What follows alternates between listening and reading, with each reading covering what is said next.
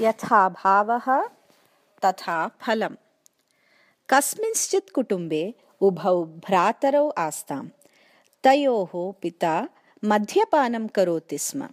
अतः गृहे सर्वदा कलहः भवति स्म। पिता कदाचित् पत्नीं प्रहरति स्म अपि।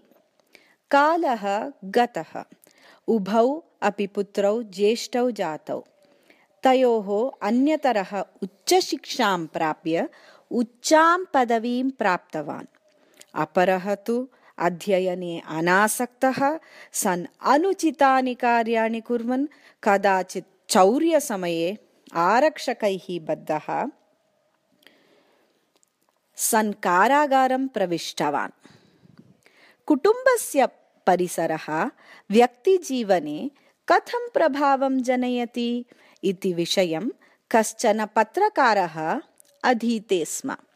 सः समाने कुटुम्बे जातयोः एतयोः भ्रात्रोः वार्तां ज्ञातवान्। कदाचित् सः कारागारं गत्वा तं तरुणं पृष्टवान् भोः भवान् किमर्थम् अत्र अस्ति? किमर्थं भवता अध्ययनं न कृतम् इति। तदा सः तरुणः अवदत् मम गृहस्य परिसरः अशान्तिमयः कलहपूर्णः च आसीत्। अतः अहम् अध्ययने अनासक्तः जातः। अनुचितेषु कृत्येषु प्रवृत्तः अहं चौर्यस्य कारणतः इदानीं कारागारे अस्मि इति। तदनन्तरं पत्रकारः तस्य भ्रातुः समीपं गत्वा अपृच्छत् भवतः सफलतायाः रहस्यं किम् इति। तदा सः तरुणः अवदत् मम सफलतायाः कारणं मम पिता एव सः गृहे उच्चैः कलहं करोति स्म।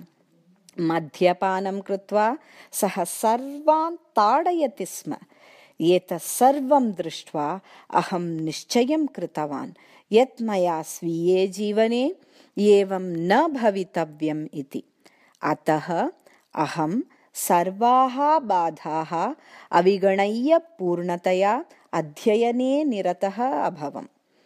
तस्मात् अद्य अहम् एतादृशीम् उच्चां पदवीं प्राप्तवान् अस्मि इति। एतत् श्रुत्वा पत्रकारः अचिन्तयत् यथा भावः तथा फलम् इति